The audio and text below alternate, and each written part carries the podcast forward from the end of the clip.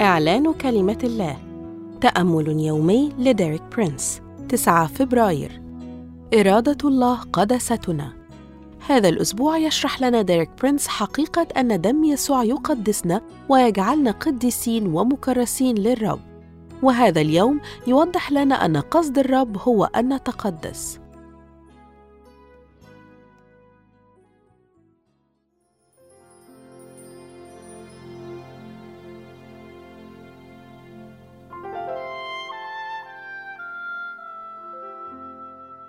درسنا أنه في اللغة الأصلية للكتاب المقدس تعد كلمتا مقدس وقديس كلمتين لهما نفس المضمون. لذا فالتقديس يعني أن يجعل الشخص أو الشيء قديسا وقصد الرب هو أن يجعلنا قديسين.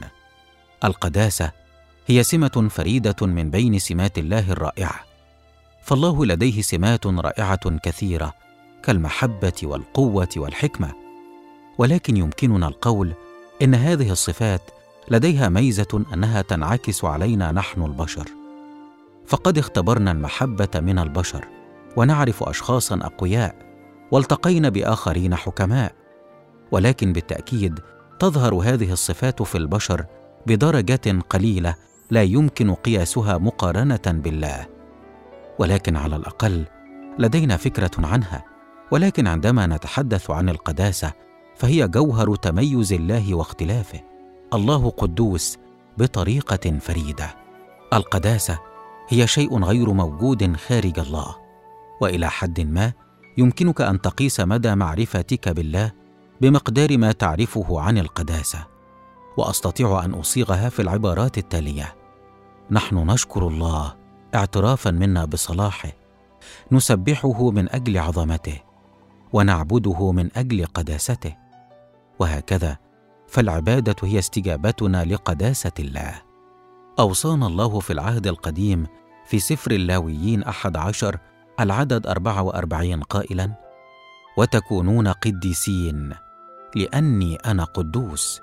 وفي العهد الجديد يقتبس الرسول بطرس هذه الكلمات قائلا في بطرس الأولى واحد العدد ستة عشر لأنه مكتوب. كونوا قديسين لأني أنا قدوس. هناك طريقتان مختلفتان نحقق بهما القداسة في كل من العهد القديم والعهد الجديد وسوف أتطرق لهاتين الطريقتين في الأيام القليلة المقبلة.